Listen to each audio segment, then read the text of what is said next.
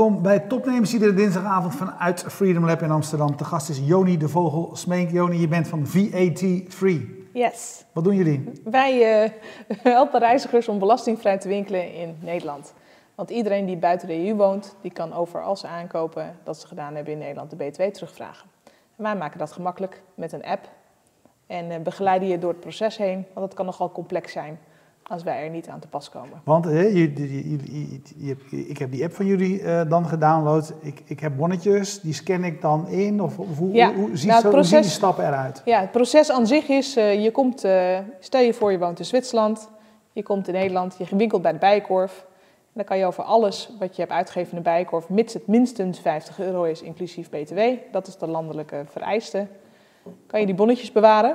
En voordat je terugvliegt naar Zwitserland moet je langs een speciaal douaneloket op Schiphol Airport. Deze zit in vertrekhal 3. Laat je je bonnen zien, je boardingpas, je paspoort. De douane controleert, hey, ben jij wel wie je zegt dat jij bent en neem je die spullen met je mee naar Zwitserland? Dan stempelt hij nog heel ouderwets met een inktstempeltje die bonnen af. En dan uh, komen wij aan te pas, dan gebruik je de app. Maak je foto's van die afgestempelde bonnetjes, die upload je. En wij gaan dan naar, terug naar de bijenkorf om dan eigenlijk de BTW terug te vragen en weer aan je terug te betalen. Klinkt als, sowieso aan jullie kant ook als een arbeidsintensieve operatie. Ja, maar we hebben het redelijk doorgedigitaliseerd.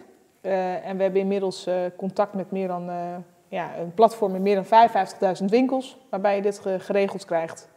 En als je het één keer hebt doorlopen, het proces, dan uh, is het, oh ja, het is, best, uh, het is eigenlijk best snel verdiend. Ja, want niet alle winkels doen mee, terwijl volgens nee. mij heb je er eigenlijk wel recht op, toch? Gewoon als je, ja, de EU je hebt er, uitgaat, maakt niet uit waar je toch iets koopt, maar ja. ben je dan afhankelijk van die winkelier? Ja, je bent afhankelijk van de winkelier. Dus in essentie is het zo, elk product wat de EU verlaat kan tax-free. Als ik een product verscheep, hoef ik dat zonder belasting te doen. Uh, maar als ik het verkoop aan iemand hier in Nederland en die neemt het dan met zich mee, dan betaalt hij in eerste instantie de BTW.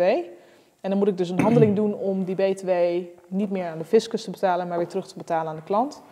En dat is uh, uh, niet uh, verplicht in de wetgeving. Oké. Okay. en je kan dat dus als reiziger kan je ook niet bij de Belastingdienst terecht. Dus je hebt echt die medewerking van de winkelier nodig om het te verrekenen.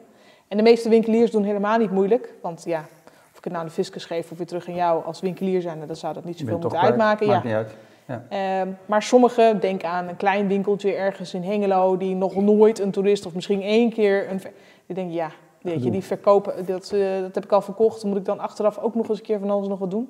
Dus dat is dan te veel gedoe. Dus jullie okay, hebben een groot netwerk van uh, bedrijven met wie jullie samenwerken, dus daardoor Precies. gaat het proces ook sneller. Daardoor gaat het proces sneller en uh, het ziet ernaar uit dat de douane ook gaat digitaal valideren. Hè, na 40 jaar. Dus uh, dan is dat ook makkelijk, want dan kan je via die app gewoon het afscannen straks. Ja, want ik heb het wel eens gedaan. Ja. Uh, andersom, dat ik iets in Amerika geloof ik kocht en dat uh, Ja. heb laten afstempelen. Eh, in Amerika, ja. ja, toen ik het mee terugnam. Ja, Ehm, eh, ik vond dat best een hoop gedoe. Want het is niet alleen dat je. ja. eh, want je, jij zegt dan moet je die foto's, eh, dan moet je die dingen inscannen. Maar jullie hebben de originele volgens mij nodig. ja, Van die bonnetjes om uiteindelijk dat te kunnen reclaimen. ja. Dus daar, daar blijft het niet bij. Want je moet daarna ook nog de, die originele aan jullie gaan opsturen, of niet? Ja, alhoewel we nu net een nieuw product hebben gelanceerd. En die, zit nu, die is live een aantal maanden. En dan zijn winkeliers eigenlijk met hun kassas gekoppeld aan ons platform. Ehm, waardoor wij eigenlijk gewoon niet meer die originele afgestempelde bon per se meer nodig hebben. Want de reden waarom je die originele afgestempelde bon normaliter zou insturen... is je wil voorkomen dat mensen twee keer dezelfde bon... of twee keer eenzelfde aanvraag voor teruggave doen. Eh, maar als je eenmaal vanuit de winkel zeker weet dat dat bonnetje uniek één keer binnenkomt, dan kan je die aftikken tegen het bonnetje wat afgestempeld is. Ja, en dan is die fraudemogelijkheid er eigenlijk niet meer. Ja. Dus, dus met de digitalisering wordt dat allemaal ook wel, Ja. eh, gaat het er allemaal En uit. nog één ander ding, want je zei net in een tussenzinnetje, eh, je moet wel die goederen fysiek bij je hebben op Ja. Schiphol. Je moet het echt bij je hebben. Dat is eigenlijk ook vreemd, want als ik, stel ik koop een, een televisie bij de, bij de Mediamarkt en die verstuur ik gelijk in een, eh in een Hoef je doos. geen BTW te betalen in de winkel bij aankoop. Dus stel je voor je zou naar de mediamarkt gaan en je koopt daar de televisie en vraagt aan de mediamarkt om het te verschepen naar Zwitserland. Ja. Of naar eh, het Caribische gebied. Dan hoeft, eh, hoef je daar ter plekke geen BTW te betalen. Want de mediamarkt kan het direct tax-free verschepen. Oké, Ja. dus dat is Dus dan kom ik niet meer aan te pas, omdat Ja. je dan niet meer een teruggavehandeling eigenlijk hebt. Oké, Ja. helder. En veel, eh, er zijn ook wel websites die dat gewoon op die manier al direct faciliteren. maar ook daar eh, ontbreekt er soms van kennis. Dus wij krijgen ook wel eens vragen van... hey, god, hoe moet het dan? Of dan heeft iemand dan toch die B2 betaald? Kunnen we dan toch niet helpen om dat dan terug te krijgen? Nu, nu zijn het volgens mij, weet de grote meerderheid van de mensen weet dit niet. Nee, Is het te lui voor? Heeft Ja. geen idee hoe het moet. precies. Hoeveel geld gaat hierin om? In er, blijft, potentie? er blijft ongeveer 8 miljard euro aan B2 liggen per jaar in de EU. Dus dat is een serieus eh, bedrag. Ja? Ehm, het is denk ik onze taak voornamelijk eh, om het zo makkelijk mogelijk en zo inzichtelijk mogelijk het proces te maken. Nou, onze app helpt daar al eh, heel erg bij. Maar eh, ehm, het wordt nu de uitdaging om ervoor te zorgen dat eigenlijk al die douaneposten geharmoniseerd in een soort digitale validatieronde mee kunnen. Er zijn een aantal landen die dat al faciliteren. Frankrijk en Portugal en Spanje, die zijn nu allemaal digitaal aan het validaten. Dan wordt het al stukken makkelijker. Ehm, want dat scheelt gewoon wachtrijen op de airport. Ehm, en het mooiste zou zijn, en dat is eigenlijk onze missie, is dat je gewoon met onze app in de winkel straks direct tax-free kunt afrekenen. En dat het proces eigenlijk dan al helemaal in gang is gezet. Dat je dus niet meer langs een douane-loket per se hoeft voor een stempel of iets dergelijks. Maar je moet natuurlijk wel willen controleren of iemand Ja. daadwerkelijk het land verlaat. Moeten ze nog een fotootje, moeten ze nog een fotootje maken eh, op Je hebt, in, eh, nou, je hebt in Ierland heb je bijvoorbeeld dat je tot een bedrag van 2000 euro wordt je gewoon niet meer gecontroleerd. Dat wordt gewoon op goed, goed vertrouwen. Zeggen ze, nou, krijg je gewoon die B2 terug. En zodra iemand meer dan 2000 euro heeft uitgegeven, dan is het de moeite waard. Kijk, het kost ook een hoop geld om dat natuurlijk allemaal te moeten Ja. handhaven. Mag ik dit Dus, allemaal eh, een compleet idioot systeem vinden? Het is ook een...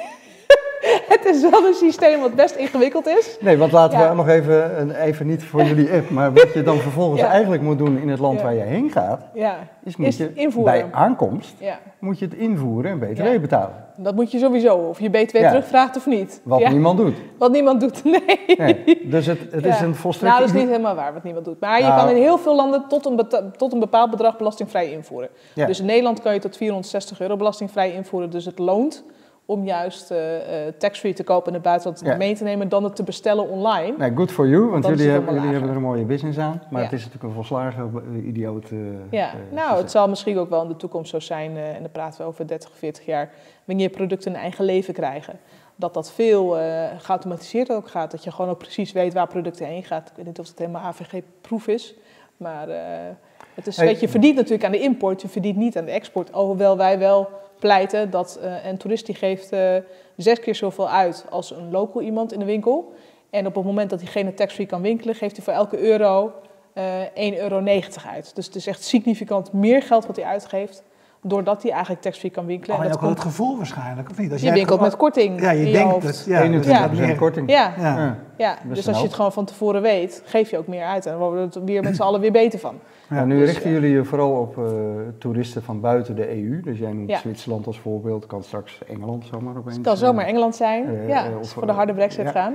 Eh, je weet het Ja. nooit. Ehm, geldt het ook als ik als Nederlander naar het buitenland ga en spullen meeneem die ik daar achterlaat? Ja, Dus dan Eh, kan ik ook jullie app gebruiken. nee, want wij zitten nog niet buiten de EU. We richten al onze pijlen op de EU. Nergens is de BTW ook zo hoog als in de Nee, EU. maar even, ik, ik Maar, koop eh, wel iets in Nederland. Ja? De dag voordat ik naar Amerika vlieg. Ja? Ik neem, iets, en ik neem spullen mee en die laat ik daar. Oh, dus dat je het als Nederland uitvoert bedoel Ja, mag dat ook? Ehm, kijk, in essentie, wetgeving technisch gezien, mag dat. Maar we hebben in eh, de EU zijn er allemaal regels, eigenlijk extra regels per land bepaald om te voorkomen dat hiermee gesjoemeld wordt. En een van die regels is, is dat je echt aantoonbaar moet bewijzen dat je buiten de EU woont. Dus je kan als Nederlander, we hebben Zo, best wel veel klanten die bijvoorbeeld een eh, tweede huisje hebben in Curaçao of in Bonaire. En die zijn dan eh, de helft van het jaar of iets langer dan de helft van het jaar in het buitenland.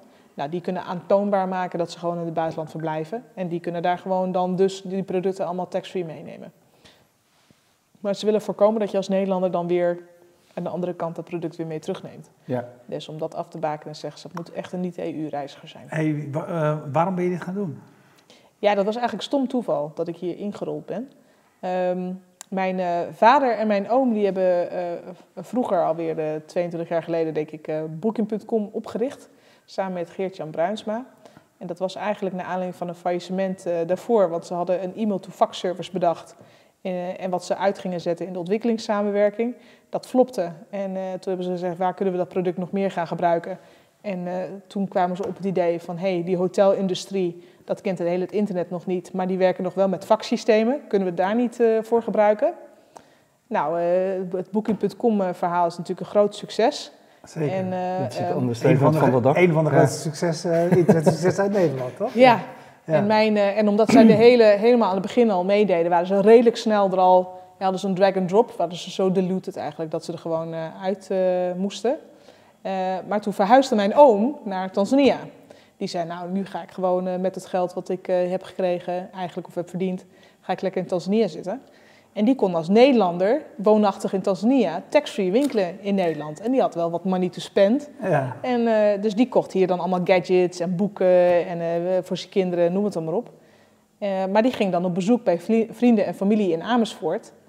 En die, eh, die had er ergens van gehoord, van het hele tax-free regeling. En die vroeg dat aan winkeliers en niemand snapte er iets van. En die zei, nou.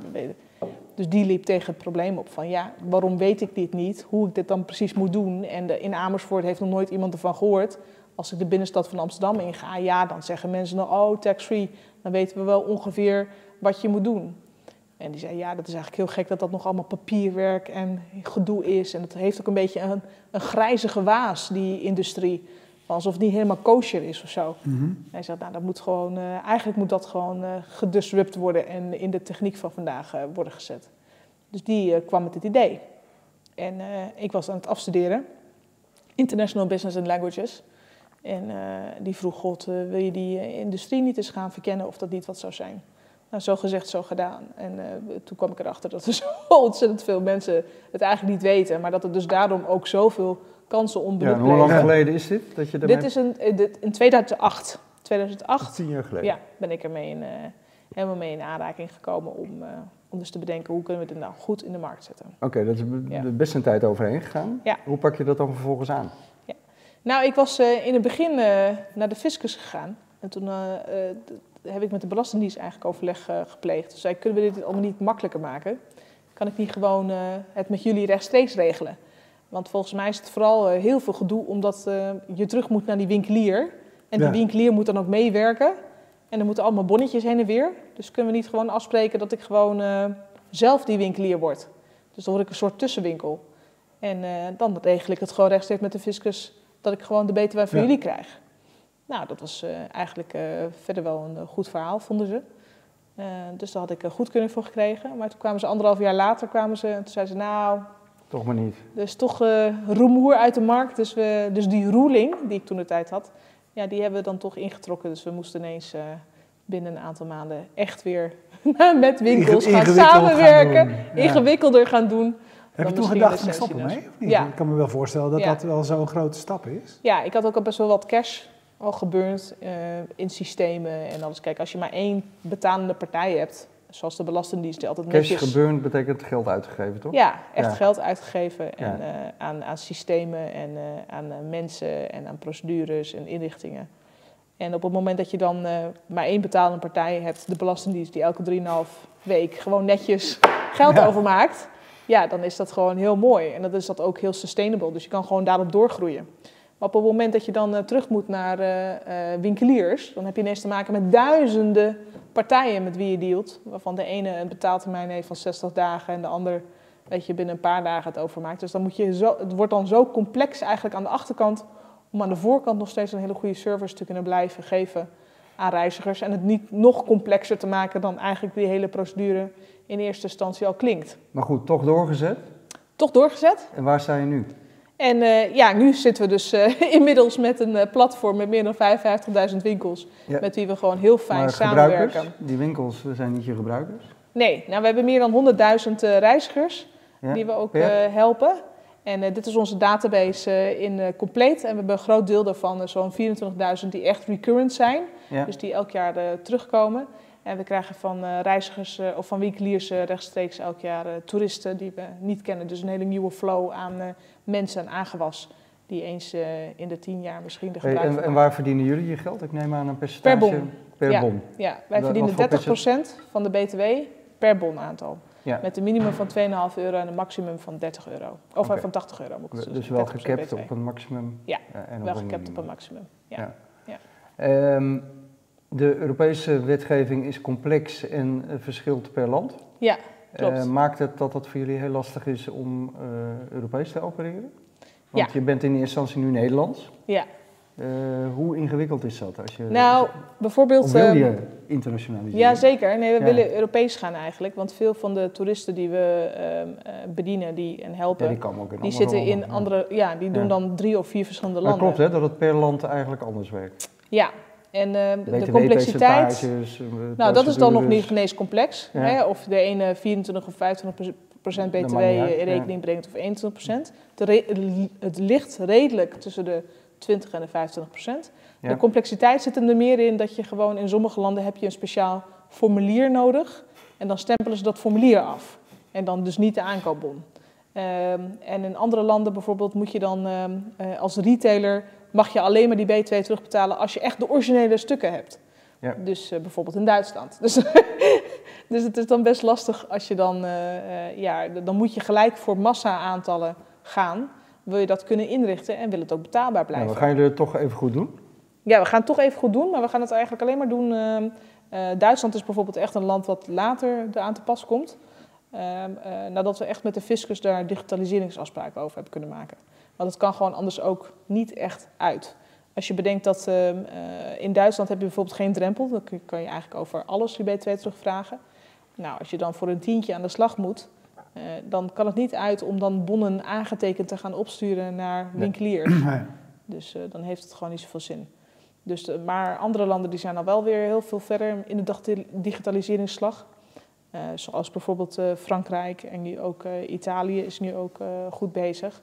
Dus dan, is het, dan leent het zich eerder om in dat soort landen eigenlijk door te pakken. En jullie makken, althans makken is het niet, maar het is namelijk ook je kracht. Hè? Want je hebt al die relaties met al die partijen, dus dat is heel arbeidsintensief. Dat heb je allemaal, allemaal moeten doen. Maar de kracht ervan is, er is niet zomaar een partij die dat ook kan gaan doen. Nee, nee, er zijn heel veel partijen die beginnen. Ehm, ehm, ik heb al redelijk wel wat gekend, maar die dan het, eh, ja, toch na een jaar of eh, twee jaar stoppen.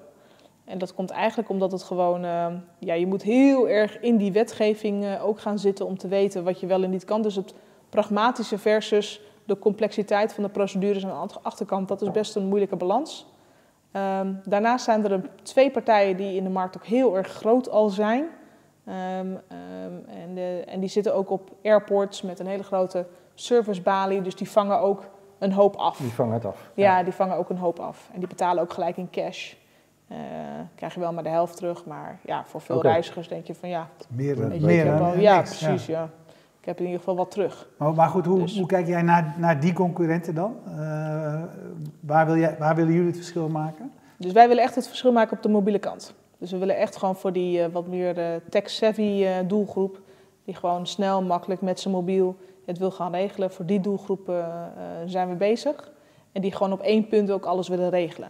En die ook niet van tevoren, nou wel niet cash, wel, weet je, die het ook prima vinden als je het gewoon overmaakt naar je Alipay of je WeChat of naar je creditcard. En dat het, eh, dat het gewoon geen, dat het vooral gemak heeft Ja. en kent. Ja, de... ehm, wat wilde ik nou vragen? Oh ja, Johan Schaap die vraagt op Twitter... Hebben jullie ook last van de btw-wijzigingen zoals eh, die in Nederland volgend jaar? Is dat... Ja, van 6 naar 9 procent BTW. Ja, is dat dat, is in ons. Nee, dat maakt op zich niet uit of iemand nou in je 10 euro. een ander... Dat is eh, één Ja. in aantal, ja. in- aan de achterkant ergens. Het is voor reizigers eh, fijner, omdat ze dus eh, over meer producten Meer terugkijken. meer terugkrijgen. Ja, zo kun je het ook beschouwen. Ja, Ja. en ook eh, da- daar ook eerder misschien eh, voor een aanmerking komen. Kijk, als jij ergens een tientje hebt uitgegeven, 6% BTW, dan, eh, dan betaal je ons 3 euro. Of dat, dan, eh, of dat je dan 9% BTW is, nog steeds een tientje wat je dan een BTW. Ja, hoe, hoe, eh, je- tien jaar geleden ontstond dat idee. Dan wil je zo'n bedrijf gaan opzetten. Je zei, Ja. dat kost ook gewoon heel veel geld. Want Ja. je, hoe heb je dat gedaan? Heeft jouw familie, want je, Ja. je vertelde je vader, je oom, Booking.com aan de wieg gestaan. Hebben zij geïnvesteerd of heb je investeerders gezocht? Nee, ze hebben geïnvesteerd. Ze hebben in eerste instantie het startkapitaal eh, geïnvesteerd. Ja. En ik zelf. Ja. Ehm, ehm, en we hebben het eigenlijk allemaal bootstrappend gedaan. We hebben nog Ja. wel een keer een banklening gehad. Maar verder geen afgelost. financiers, investeerders? Nee, nee. Ja. dus we gaan eigenlijk zijn we onszelf nu pas voor het eerst aan het opmaken voor een, eh, voor een eh, Series A eh, rond, ronde.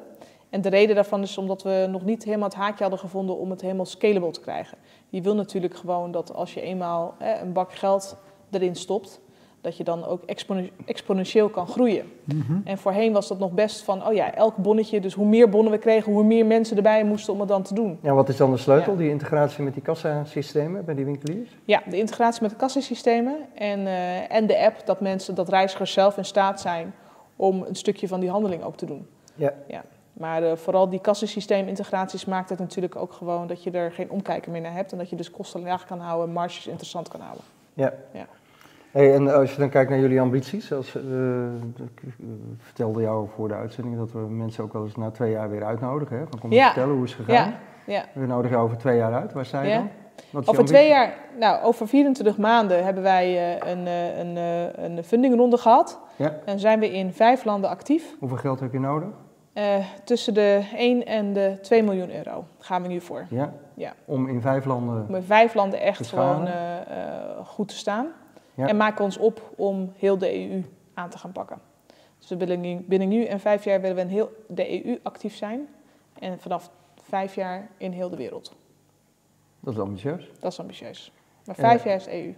Ik, terwijl ik denk, ehm, dan toch, eh, waar we het net al heel even over hadden, die, die, die procedures zijn allemaal zo verschrikkelijk verschillend per land. Ja, Ga je het- dat redden? De, de, de complexiteit zit hem meer in de detail, maar niet zozeer in de algemene regeling. Er is gewoon een één EU-regeling Ja. en daar val je dan onder. Nee, voor de EU wel, maar als Ja. je zegt eh, wereldwijd, ja, er zijn natuurlijk Wereldwijd is een ander verhaal. Dus dat is pas na vijf jaar. duizend en één landen met... eh, nou, die kopiëren gek genoeg ook wel weer heel veel. Ja, die Ja? kopiëren toch wel heel erg veel. Die kijken naar de EU en die kopiëren wat, wat hier eigenlijk eh, werkt. En eh, em, eh, het goede is dus dat er in elk land dat er BTW is, er ook gewoon al partijen bezig zijn. Dus je kan heel snel eh, op een gegeven moment wel schalen op het gebied van dat je kopieert wat de ander natuurlijk in Ja. dat land doet. En het dan alleen maar mobile trekt. Hey, ik vind Ja. het totaal geen sexy onderwerp, BTW Nee. terugvragen. Nee, Wat vind jij hier zo leuk aan? ja, het is toch geld. Ja, dat is- geld is wel een heel sexy drive? onderwerp. Is dat de drive, ondernemen? Nou, het is Eh, meer eigenlijk gewoon. eh, ja, nee, wat, wat, wat mij heel erg drijft is het eh, oplossen van de complexiteit en het, het vertalen naar een, een simpele service.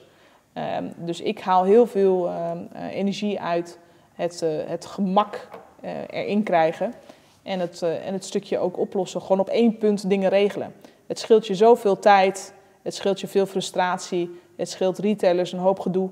Eh, nou, als wij dat stukje zouden kunnen betekenen, dan hebben we toch wat, eh, Ja. wat minder frustratie in de wereld als het Ja, ware. ja, maar je, Ja. je zei, de, de, co- de concurrenten van je staan op Schiphol met, met hun borden, zeg maar. Ja. Ehm, hoe vinden jullie je klanten? Want aan de ene kant, je zou tegelijkertijd kunnen zeggen, ja, jullie hebben het eigenlijk heel erg makkelijk. Wat je doet, je handelt in gevonden geld. ja, precies. Hè? Dus Ja, ja, de, ja. De, de klanten komen fluiten naar je toe, zeg maar. Ja, hoe, ja. hoe vinden jullie je nieuwe, je nieuwe klanten? We werken veel intensief met eh, retailpartners. Dus die vanuit de winkel vertellen ze dan: oh ja, eh, je kan je B2 terugvragen via VAT Free. Dat kan voor hun natuurlijk ook een Voor verkoopargument hun is zijn het in een verkoopargument, salesargument eigenlijk, om ook meer te eh, verkopen.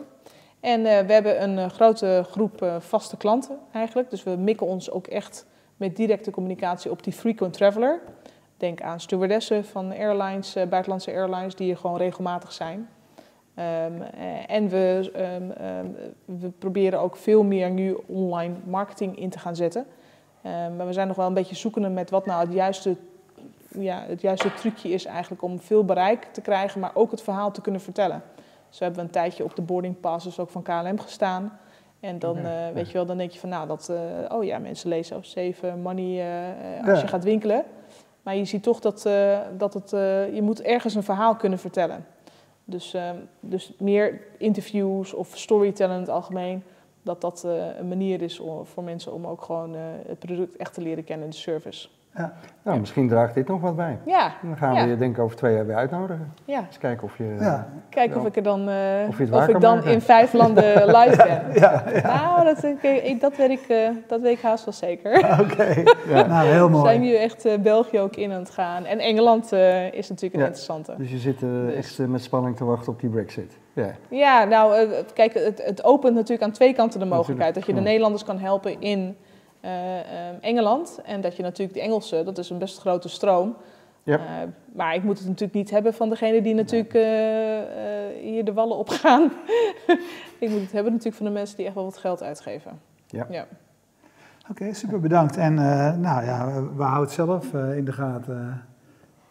Ja, we hebben er niet zoveel aan. Nee, maar wat, Wel, als eh, dan Engeland. meteen- ja, dan ga je dan Ja, dan winkelen. dat is de vraag. Ga je Ja. dan winkelen in Engeland? Ja, dat, dat- is nou natuurlijk ja. ook wel weer Dat is ook weer de vraag. Ook de vraag. Nou ja, als ik nu dit weekend eh, naar Engeland ga en ik platen koop, dan denk ik, ja, in de toekomst kan ik dan toch Kun je BTW terugvragen. Ja, ja.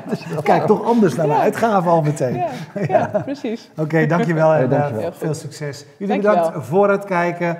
Eh, we bedanken zoals altijd. eh, we hebben eh, drie bierdrinkende eh, personen aan tafel dit keer. We bedanken zoals altijd Bier Co. Is, heb, je, heb je een lekker biertje gekregen? Heerlijk oké? biertje. Ja? Ja. Maar het kon wel minder. Het komt wel minder, Ja. oké. Dat is eh, ja, dat voor de Groningers eh, onder ons, want daar komt eh, dit bier eh, vandaan. Die even is lekker, hè? Heerlijk, een Duits biertje. Ja. En de vaste kijkers weten, we zeggen het ook als ze het eh, niet lekker vinden. Dus Vooral het, eh, ja, vooral ja, ja, dat is jouw rol. dat is jouw rol. Ik denk aan de sponsor, jij eh, aan jezelf. Ja, zo is het. En natuurlijk bedanken we verder Jetstream uit Groningen voor de livestream, PQR voor de hosting van de website en Freedom Lab voor de wekelijkse gastvrijheid. Kijk je live, blijf kijken, want zo direct praten we met nog een gast. Kijk je on demand, dan kun je die uitzending natuurlijk ook daar terugzien. Dankjewel. Dag.